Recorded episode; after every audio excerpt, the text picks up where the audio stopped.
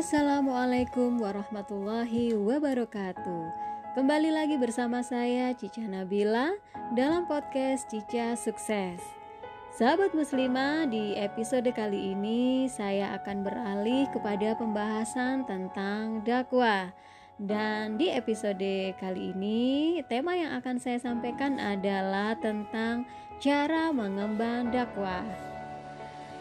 Allah berfirman dalam Quran Surat An-Nahl ayat 126 yang artinya Serulah manusia ke jalan Tuhanmu dengan hikmah dan pelajaran yang baik dan bantahlah mereka dengan cara yang baik.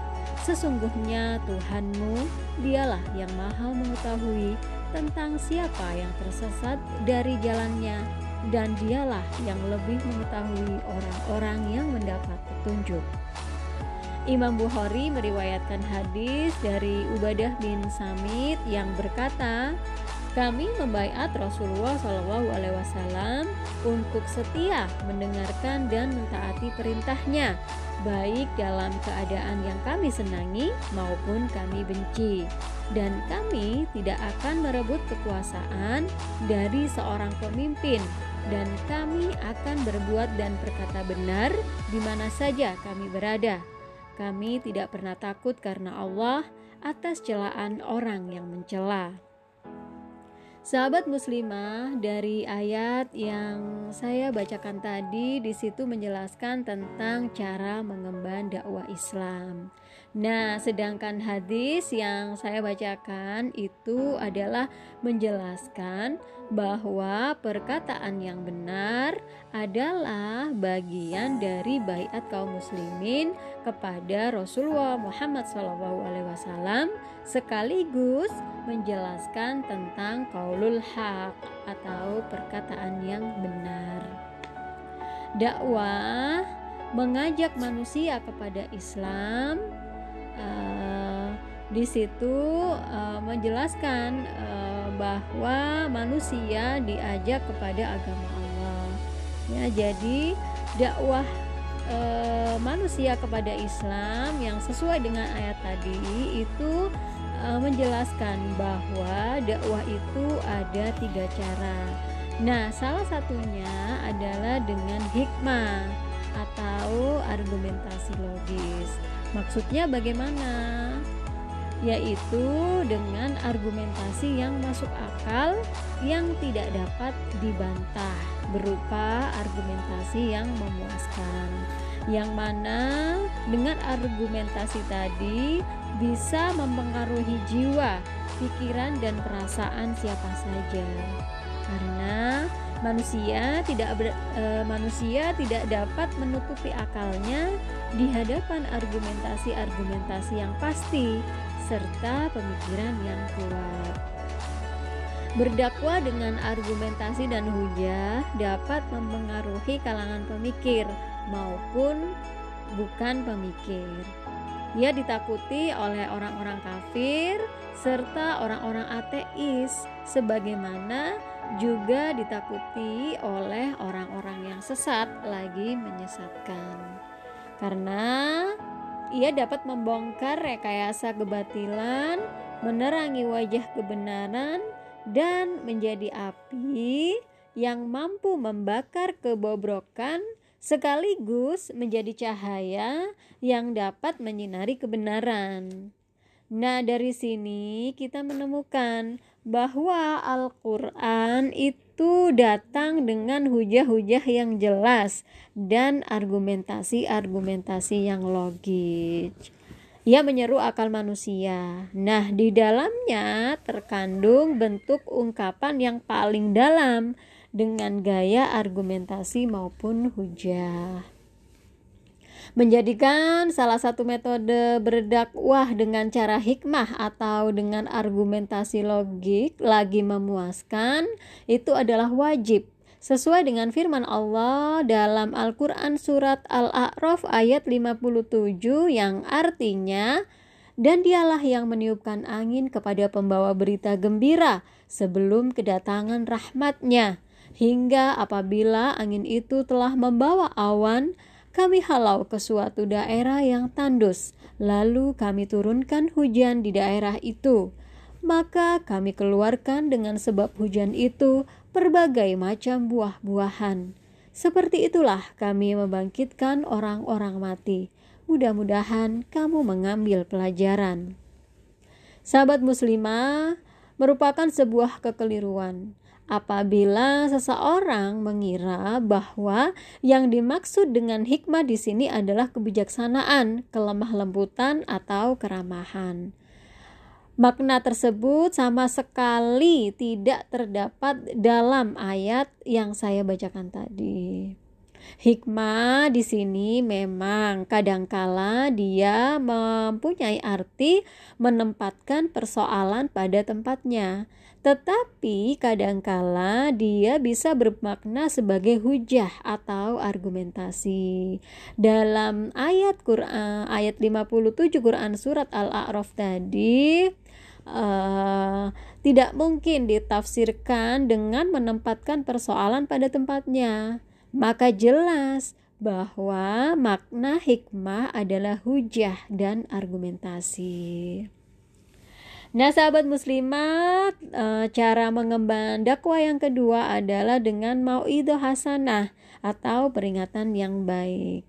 Itu berarti uh, mempengaruhi perasaan manusia tatkala akal mereka diseru dan bisa mempengaruhi pemikiran mereka tatkala perasaannya diseru, sehingga pemahaman mereka terhadap apa yang mereka dakwahkan senantiasa dipuji, uh, senantiasa diliputi oleh semangat untuk melaksanakannya serta beraktivitas untuk meraihnya. Al-Quran telah mempraktekkan hal itu uh, yaitu sesuai dengan firman Allah di dalam Quran surat Al-An'am ayat 179 yang artinya Sesungguhnya kami jadikan isi neraka jahanam itu kebanyakan dari jin dan manusia. Mereka mempunyai pikiran, tapi tidak digunakan untuk memahami ayat-ayat Allah. Mereka mempunyai mata, tapi tidak dipergunakan untuk memperhatikan ayat-ayat Allah dan mereka mempunyai telinga tapi tidak dipergunakan untuk mendengarkan ayat-ayat Allah. Mereka itu seperti binatang ternak, bahkan mereka lebih sesat lagi. Mereka itulah orang-orang yang lalai. Juga disebutkan di dalam firman Allah uh, Al-Qur'an surat An-Naba ayat 21 yang artinya Sesungguhnya neraka jahanam itu adalah tempat pengintai, lagi menjadi tempat kembali bagi orang-orang yang melampaui batas. Mereka tinggal di dalamnya berabad-abad lamanya. Mereka tidak merasakan kesejukan di dalamnya dan tidak pula mendapati minuman selain air yang mendidih dan nanah sebagai pembalasan yang setimpal. Adapun sahabat muslimah, cara dakwah yang ketiga ada dengan al-jidal atau perdebatan dengan cara yang baik, yaitu diskusi yang terbatas pada ide. Hal ini dilakukan dengan apa? Dengan menyerang dan menjatuhkan argumentasi-argumentasi yang batil, lalu memberikan argumentasi-argumentasi yang jitu dan benar. Nah, Uh, karena itu uh, al-jidal ini dia mengandung dua sifat yaitu merobohkan dan membangun, menjatuhkan dan menegakkan argumentasi-argumentasi. Nah, di sini dicontohkan ya uh, di dalam Al-Qur'an surat Al-Baqarah ayat 257 yang artinya Apakah kamu tidak memperhatikan orang yang mendebat Ibrahim tentang Tuhannya? Karena Allah telah memberikan kepada orang itu pemerintahan ketika Ibrahim mengatakan, Tuhanku ialah yang menghidupkan dan mematikan. Orang itu berkata, saya dapat menghidupkan dan mematikan. Ibrahim berkata, Allah bisa menerbitkan matahari dari timur, maka terbitkanlah dari barat. Lalu diam dan terdiamlah orang kafir itu. Ya, jadi di dalam ayat ini disebutkan ya, uh, inilah yang dimaksud dengan berdebat dengan cara yang baik. Dan sahabat muslimah merupakan sebuah kekeliruan jika menduga bahwa makna berdebat dengan cara yang baik adalah bantahan dengan disertai kelembutan dan keramahan. Yang benar adalah justru menyerang argumentasi dengan argumentasi lain secara frontal sebagaimana cara-cara membantah yang ada di dalam Al-Qur'an.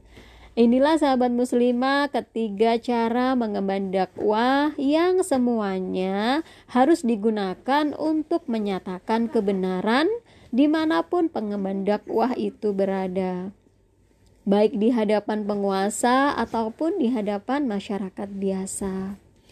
Pengemban dakwah harus memberikan pemikiran yang benar dan jelas. Ia wajib menantang, agresif, serta yakin terhadap kebenaran yang didakwahkannya. Dia harus menyadari bahwa seruannya, yakni menantang dunia secara keseluruhan, menantang para penguasa dan kroni-kroninya, memaklumkan perang terhadap orang yang berkulit hitam maupun merah tanpa memperhitungkan lagi adat istiadat, tradisi atau agama-agama, akidah-akidah, penguasa-penguasa atau rintangan apa pun. Dia tidak akan berpaling sedikit pun terhadap sesuatu selain risalah Islam. Nah, uh, cukup sampai di sini pembahasan saya. Akan kita lanjutkan di episode berikutnya. Billahi taufik wal hidayah. Wassalamualaikum warahmatullahi wabarakatuh.